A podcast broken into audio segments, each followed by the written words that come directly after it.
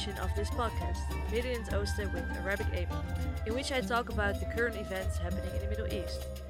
We are here live from Riyadh in Saudi Arabia, and today I'm here with the editor in chief of Arab News, Faisal Abbas. Arab News is a global daily news network in English and Arabic covering events within the Middle East. I'm really honored and excited to be here today, so thank you very much, and I'm looking forward to our conversation. So let's just start. Same here. Thank you for so much for having me. It's a pleasure to have you in our country and in our newspaper.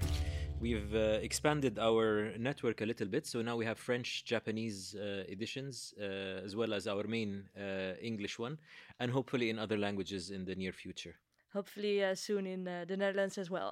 You you got what my, I was alluding to. So hopefully one day. Um, yeah, so let's begin, please, by uh, setting the uh, stage. Can you start by giving the audience a bit of an overview of Arab News itself, its history, and uh, its mission? Sure. So uh, Arab News is the newspaper of record uh, for Saudi Arabia uh, in English. It was established in 1975. So we're about 47 or 40 years, 48 years old. Um, it was founded uh, in the era of the late King Faisal, who was a firm believer that one of the main issues for us as uh, Arabs is we don't have a voice in English. We don't have an international uh, voice. Um, and this is why it's called Arab news, not Saudi news. As you know, uh, King uh, Faisal was a regionalist, um, um, and he looked at the Muslim world and the Arab world um, um, as a, a unit uh, and uh, wanted to have a, a platform uh, which uh, communicates the issues of uh, of the region. Uh, of course, the technology didn't help at the time because we were limited to the printing press in 1975. Uh, I came on board in September 2016 with a mandate to make Arab news more digital and more global. And this is what I was referring to in the beginning. So we relaunched the main edition as a digital first uh, platform. Um, uh, and then we did a Pakistan edition, Japanese edition, and uh, French edition, and hopefully um, editions in other languages in the uh, near future. The last point I want to make here is that yes, we are based in Saudi Arabia. Um, uh, Saudi Arabia does take a big portion of our coverage, but that's not because we are based in Riyadh. That's because Saudi Arabia is a regional heavyweight. So it is the land of the two holy mosques. It's where almost one and a half or two billion Muslims um, uh, pray five times a day. Uh, so it has a very big weight in the Muslim world. It's also uh, the most important country in the energy markets uh, around the world. Um, so uh, all the um, um, market analysts and bu- business executives tune into news from uh, Saudi Arabia vis-a-vis OPEC and OPEC Plus, um, as well as the political weight that it carries in regional files. everything from confronting terrorism um, as as well as confronting the Iran the Iranian regime, uh, destabilizing acti- destabilizing activities in the region, and other files, of course. That's a great overview. So lots of different uh, topics. Um, can you share a memory or an impactful story that Arab News has reported on recently? Well, uh, yes, actually, the most recent memorable uh, coverage that we had would have been our first ever Christmas edition. And uh, of course, while in your country this is not something unusual, it's the first time it happens in Saudi Arabia. And we're very proud that Arab News is the first Saudi newspaper to publicly celebrate Christmas and wish our readers uh, in Saudi Arabia and outside a Merry Christmas with a special edition. Uh, so uh, it's both a political message and just generally a celebratory message. So you had stories, for example, how to make a turkey recipe with Middle Eastern spices, for example. where do you go shopping? Where do you go if you want to go out on Christmas Day? Where do you go out uh, in, in, in Saudi Arabia, um, we saw that, um, and, and, this is significant for your listeners who are not familiar with uh, the history, uh, this wouldn't have happened um, a few years ago. It was literally uh, banned, uh, as in you couldn't buy Christmas trees or Christmas decoration in, in Saudi Arabia. But with the reforms that have been happening, uh, we we thought since it's now being tolerated in the country, we would do our part and show what media should be doing on on such occasions to promote tolerance of other religions and other uh, views. Uh, we were also the first uh, Saudi newspaper to wish uh, our Jewish readers uh, Shana Tova a Happy New Year, and this would have been in 2019. Um, not to mention our coverage of things like Valentine's uh, Day. Our on a more serious note, we have our investigative series called Minority Reports, where we shed lights about the minorities in, in the region. Uh, we've done so far the Jews of Lebanon, we've done the Druze in the Levant region, we did, we've done the Copts uh, in Egypt, we're doing the Yazidis uh, this year, as well as two or three other uh, minority reports uh, coming. Um, so, in in in essence, and of course, um, in 2018 we launched Preachers of Hate, uh, which is uh, another investigative series where we shed light on uh, any religious scholar or uh, preacher who promotes hate. And uh, it's in a in a very short definition of it. It's a Wikipedia. It's almost like a Wikipedia page of preach haters from all religions. We started with Muslim, Sunni, Saudi uh, preachers that we thought are doing a horrible uh, disservice for humanity. And we shed light on the hate that they spread and we basically shamed them. Um, but of course, we also included uh, preachers of hate from all religions, including atheists. That's amazing. Um, and you uh, shortly mentioned it already, but if we focus more on uh, the reforms happening here in, in Saudi, um, how have you seen the media um, here changed in over the last few years? Well, it's not we've seen. We've we've been the change. Uh, so we we uh, spearheaded the change, I believe, in, in Arab news, and I'm I'm talking here, uh, you know, the, the the both the advantage and the disadvantage of working in media is uh, I can sit here and tell you whatever I want, and you can just go and Google it. So I cannot make up a reality. So uh, everything, all the projects that I've mentioned have actually been done, and they were a first uh, when they had happened. Um, so uh, the situation, just also to be realistic, it's not ideal. We we we don't have a First Amendment, for example, like uh, the Constitution in in the United States. Um, but also, it is not as dire uh, or uh, horrific as people might uh, imagine, and the proof is uh, uh, the proof is in the pudding, as they say. So, uh, from the examples I've just given, these are things that wouldn't we wouldn't have dreamt of doing. Um, I wouldn't say even ten years ago, six, seven years ago, it was unthinkable to be able to celebrate Christmas, to be able to wish Jews a New Year, to be able to expose preachers of hate from all religions. Um, so uh, we are doing what we can within the framework uh, that uh, exists or doesn't exist because um, uh, the media laws have been outdated for a very, very long time. Uh, and until recently, for example, just to give you an example of how outdated things are, until recently, the media ministry used to send messages by fax and um, one time i got a complaint that you know there was a message that was sent and um, you know we didn't react to it and i didn't even know that we had a fax machine. So um, so that's how outdated things uh, are. But but it's very important to say that with what you mentioned the reforms happening with vision 2030 happening in saudi arabia if you read about it, it's all about transparency, setting targets and KPIs for uh, public targets and KPIs, and announcing the strategy for all the government departments. When you do that, the reason why I'm comfortable is by default that means more transparency, and more transparency means more ability of the media to challenge and uh, expose shortcomings. So um, my uh, summary of this is perhaps uh, the reforms haven't reached the uh, media ministry uh, level, um, or the media ministry level hasn't reached where other uh, government departments have done. So what we're left with is individual initiatives, such as what we are doing in Arab News.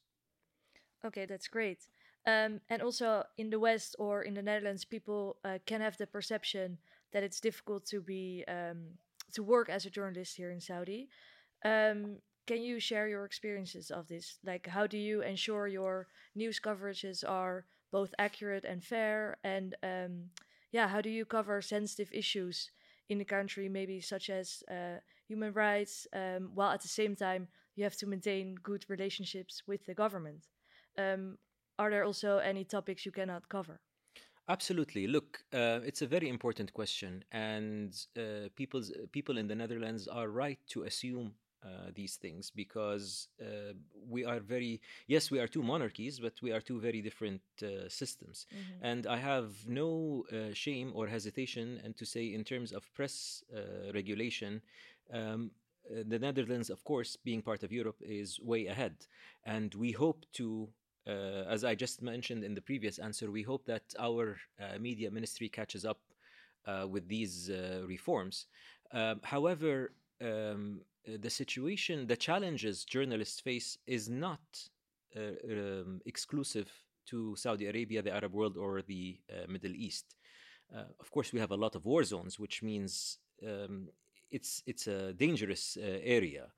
Um, but uh, I um, I don't know if you know this, but I lived ten years in London, and um, I cannot escape the image of uh, British authorities, uh, GCHQ, uh, the security services, raiding the offices of the Guardian, destroying uh, computers and hard uh, hard uh, um, uh, hard disks during the Edward Snowden uh, leaks story. So, as you know, the Guardian is one of the few newspapers in the world that obtained these leaks and published them. Um, and the result is that uh, you know essentially officers raided the office the, um, the the offices of the Guardian and destroyed computers. And this is in the uh, oldest democracy uh, in the world. This is in Great Britain. Um, um, in London also is uh, very well known that it is the libel capital of the world. So on paper or, or by tradition, yes, you are of course allowed to say whatever you want. But the libel law in the UK uh, is something, yeah, I, and I have, again, have no hesitation to say this, that it's something that worries me more than uh, dealing with the authorities uh, here. Because here, because of the um, the development or the in progress status of regulations, you can still argue your way out of uh, problems or issues. Um, in the UK, I'll tell you, um, I've been served several times uh, by uh, law firms that um, specialize in libel. And it's a very difficult situation. Uh, of course, this is not a personal threat, as in you are not personally threatened as, a, as an individual. Um, it's a civil, uh, it's a civil uh, matter, but the consequences are in millions of, uh, of pounds, and uh, it's quite uh, restricting to what you can and cannot publish. Um, so we all have our challenges. What I'm trying to say is we all have our challenges. Um, what we are optimistic here is what I uh, said earlier that with the reforms that are happening, it's by default that uh, there will be a regulation uh, and fixing the situation with the broadcasting and publishing laws uh, in uh, Saudi Arabia. Um, that is a good start, but then, of course, the whole media landscape has now changed with the evolution of social media. And that brings other problems which are not specific to Saudi Arabia. This is uh, an international uh, issue or international problem. The ease of spreading fake news and uh, deep fake videos. This is an international problem, and that's I don't think that's the essence of your question. But you It's know a what? uh, other story. Huh? That's a different story. That's a different story. I'm happy to talk about it, but uh, again, it's not a Saudi specific problem. No. It's a global problem. And that is an issue that keeps me up at night because when you see what uh, artificial intelligence is capable of doing, you. I am really worried that we are approaching the day that you will not be able to tell fact from fiction. Mm. Yeah.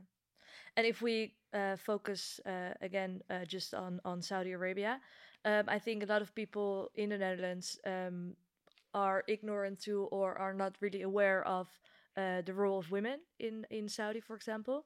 Um, and I think uh, there are a lot of uh, women working here at Arab News. Um, yeah, can you tell a little bit more about that? Again, these this is very recent. So when I joined in 2016, there were two women uh, working uh, with us uh, in our former headquarters in the city of Jeddah. Uh, today we're at 39%. Our target was 50% by the year 2020. Initiative we had that was called 50-50 by 2020. Uh, The only reason why we didn't hit our target was because of the pandemic. and um, again, the uh, we're only able to do this because of the uh, reforms in the labor law. Because we are no longer, uh, again, your listeners might not know, but five or six years ago, by if if you were allowed to hire women, then by law you needed to segregate and have a separate uh, entrance, separate um, uh, offices office space for them and they couldn't mingle with their male uh, colleagues. Um, and you can imagine the inconvenience and the impracticality uh, of that. Um, so all of that has changed, and uh, and not to mention that there were industries that were women were banned from uh, working on. For example, there were no female lawyers. And you were restricted um, as a uh, female to work either as a doctor treating only women, for example, or working in uh, lingerie shops where you sell to uh, women among other restricted uh, uh, categories. Um, what has happened in the last five years is all guardianship, what we call guardianship laws over women, discriminatory laws that said women cannot enter a particular field or something like that, uh, have been abolished. So today we see women in the royal guard, uh, we see women in the army, uh, we see w- women footballers, we see women lawyers, and in our case, um, as you would see if you visit our office, um, the majority of our staff now are female. Um, and um, our actually assistant editor in chief now is the first ever uh, female to take that position.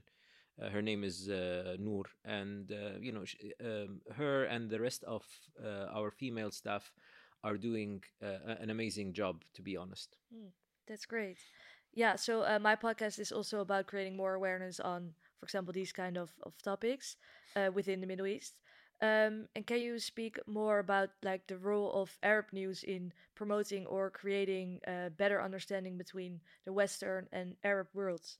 Um, yeah, like what does it mean to kind of bridge the gap between between these two? So um, our tagline since 2016 is the voice of a changing region and we try to live that spirit in the sense that we try to be the voice of uh, change that is happening in the region and in our part of the world um, change is the only constant um, um, if you look at regional conflicts it's amazing how yesterday's enemies are today's friends and you know just look at something like the abraham accords in in in uh, that were signed in 2020 uh, i mean after about 60 years of uh, war and no diplomatic relations, suddenly you see the UAE, Bahrain, um, Sudan, uh, Morocco signing uh, normalization uh, or peace treaties with with with Israel.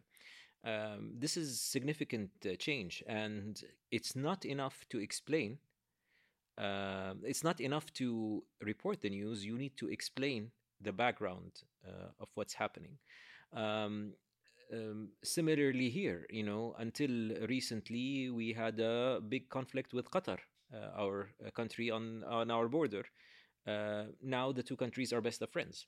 So um, uh, it's a fascinating part of the world. Um, for the reasons I outlined in the beginning, um, particularly with regards to Saudi Arabia being the custodians of the two holy mosques for Islam, being the key country in the world energy markets, um, it is very important, I think, for uh, everybody uh, to understand. And when I mean everybody, I mean everybody.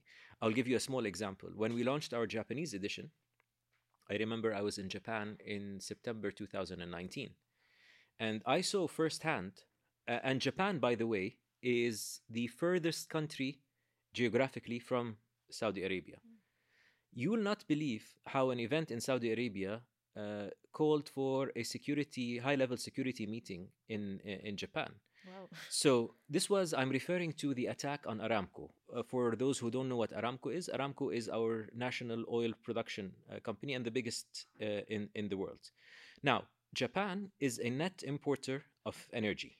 Uh, Japan doesn't have energy. Japan exports a lot of products to the world, mm-hmm. uh, amazing products to the world, but uh, they're a miraculous country in the sense that they import everything uh, and produce quality products which become bestsellers everywhere because people like Japanese quality. But the bottom line is uh, 100% of energy is imported in Japan. Out of that 100%, 85% comes from the Middle East.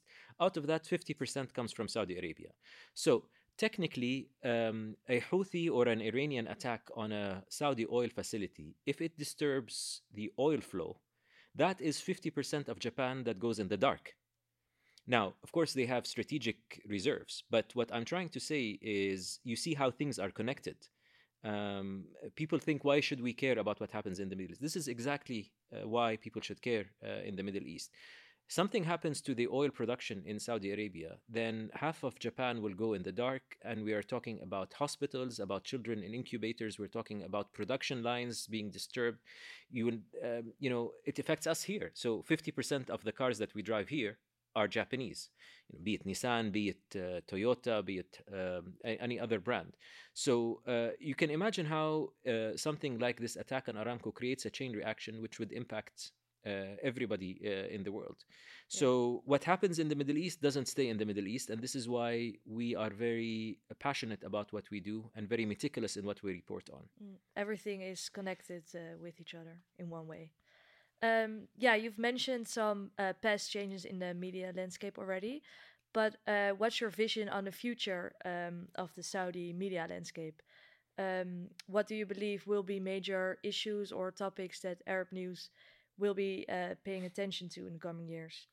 Uh, for example, is uh, climate change uh, one of these topics? Because I know that the Netherlands and KSA have been working together for many years on uh, different topics, and one of them is uh, climate change uh, actions and sustainable initiatives. Um, are you doing anything about these topics? Uh, of course. So, uh, two years ago, uh, something called the Saudi Green Initiative and the Middle East Green Initiative were announced. And this is, on the surface, on the very basic level, this is about planting billions of trees billions with a B uh, in Saudi Arabia and across uh, the region, not to mention recycle, massive recycling projects. One of the projects, for example, is by 2030. At the moment, uh, around 90 or 80% of um, uh, rubbish in, in Riyadh goes to waste, and only 10% or 20% is recycled the plan is to reverse the number by 2030 that's in seven seven years. So you have 80 or 90 percent of what you throw away being recycled and they've managed to find a way where it becomes an industry so it actually contributes to the national uh, income and the gdp um, so um, uh, the environment is very uh, important or has become very important in in recent year I think one of the things as a, as a, local story that we will be focusing on in the future, uh, in the near future, is the materialization of our Giga projects.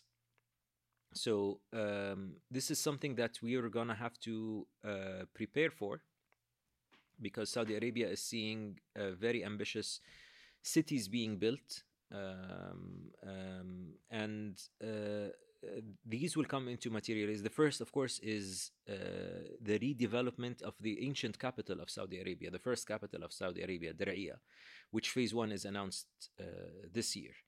Um, and then you have projects like uh, the Riyadh uh, Metro, the, uh, the, you know the futuristic city in Neom, um, the resorts that are being opened, um, you know the opening up of uh, historic landmarks in, in the kingdom which were banned before people were banned from uh, going to uh, because there wasn't really a tourism industry and there were superstitious beliefs that prevented people from from going that so all of that is gone and that means we cannot hire enough journalists and experts to write about all of these developments. And if we focus more um, on a yeah from a more international perspective uh, do you think saudi causes or arab causes in general um, are being misrepresented in uh, international media. Um, are there, for example, any uh, incentives within Arab news to counter such narratives? Look, I, um, misrepresented, yes, but I don't believe in conspiracy theories. I mean, look, uh, you know, if you are living in the Netherlands or living in New York or living in Tokyo, just like we don't know everything about your country, um, we don't expect somebody um, living in Europe or in Northern America or in Australia uh, to know the ins and outs of our society, of our, our culture. That's a shortcoming, unfortunately, of journalism worldwide. Um, with uh, the financial burdens, unfortunately, most of the time, the first bureaus or the first sectors to be cut in terms of budgets are the foreign correspondents. What you end up with is somebody sitting on a sofa or on, on their desk, to be less sarcastic, um, um, in um, you know a, a Western capital, reporting about the the region. Uh, what you do need is a lot of people traveling and doing what you're doing, which is interacting and asking the questions that need to be asked while seeing for yourself. The same applies for us. This is why we opened bureaus. We when I started in 2016, we had only one office in Jeddah. Today we have an office in Jeddah, an office in Riyadh, a regional office in Dubai, an office in Islamabad that covers Asia, where people you know cover travel to Asia through Islamabad. We have an office in Tokyo, Paris, uh, London, soon in uh, in Washington, and we are uh, expand. We have a network of reporters uh, covering uh, stories. So a misrepresentation is only as good as how informed your sources uh, uh, are. Um, however, you have institutions such as you know the Agence France Presse or Reuters who are known for their accuracy. That doesn't mean they don't get it wrong sometimes. Um, but uh, we also on the other hand we need to do a better story uh, sorry we need to do a better job in telling our story. So what we are doing in arab news is very important because we are talking to the world in their languages. But i think governments arab governments in general including here in saudi arabia uh, needs to do a better job in communication. And uh, building on this um, what advice would you give to uh, journalists or Dutch journalists uh, specifically who are interested in uh, pursuing a career in journalism here in, in Saudi? Um, how or would you stim stimulate Dutch uh, journalists who want to come here and, and report on the trends and developments? I mean, look, I say this and I say this hand on my heart, and I mean every word. Uh, since 2016 until today, 2023, I believe I am the luckiest journalist alive. um, you know, you could be a journalist for all your career and wish for a story to land on your lap or be somewhere exciting. So, if you were in Germany when the fall of the Berlin Wall, that is a very exciting time to see the changes. Or, you know, in Moscow at the collapse of the Soviet Union, that's a very exciting time. Uh, or the fall of the Taliban, or now the return of the Taliban, is a very exciting time. But these things don't happen quite often.